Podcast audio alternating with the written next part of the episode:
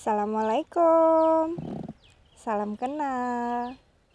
Saya Ana dari Yogyakarta.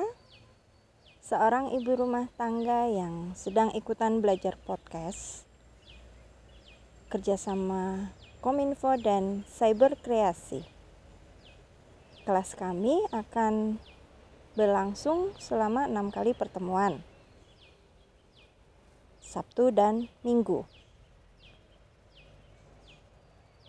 Dan podcast ini merupakan podcast pertama saya sekaligus tugas dari pemateri pertama kami yaitu Mr. Popo dan Mas Rane. Insya Allah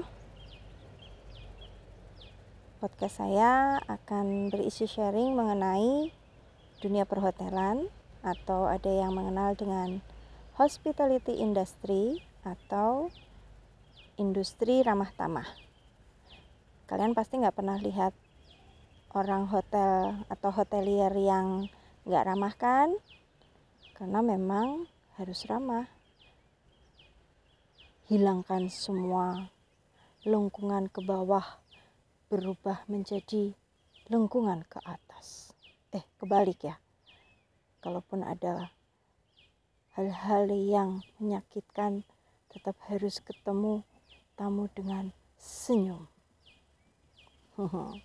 Intermezzo aja ya itu.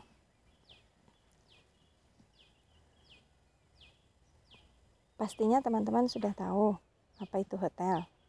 Dan juga sudah banyak yang sering menginap di satu hotel. Entah itu hotel kecil ataupun hotel besar, bintang satu ataupun bintang lima, tergantung dari kebutuhan dan budget teman-teman sekalian. Hotel merupakan salah satu jenis akomodasi atau orang sana bilang lodging industry yang sedikit didefinisikan menjadi tempat tinggal sementara bagi seseorang.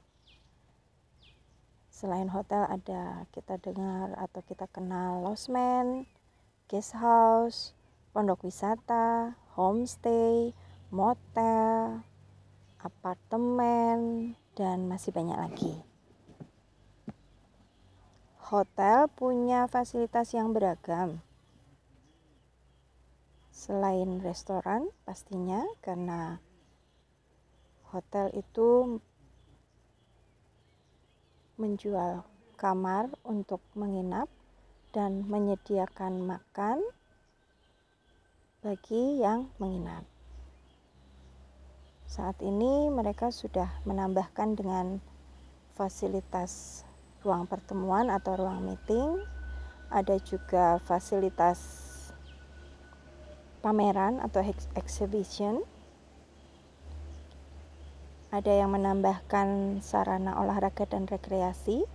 Jadi di beberapa hotel ada spa plus gym. Kalau kolam renang, kolam renang pasti kebanyakan hotel punya. Kemudian ada juga yang punya meja biliar. Saya pernah ke satu tempat ke satu hotel yang punya lapangan tenis juga. Ada perpustakaannya juga. Ada juga yang mendekati atau ngelingke atau mengkoneksikan dengan pusat perbelanjaan di Jogja ada beberapa hotel yang koneksi dengan mall.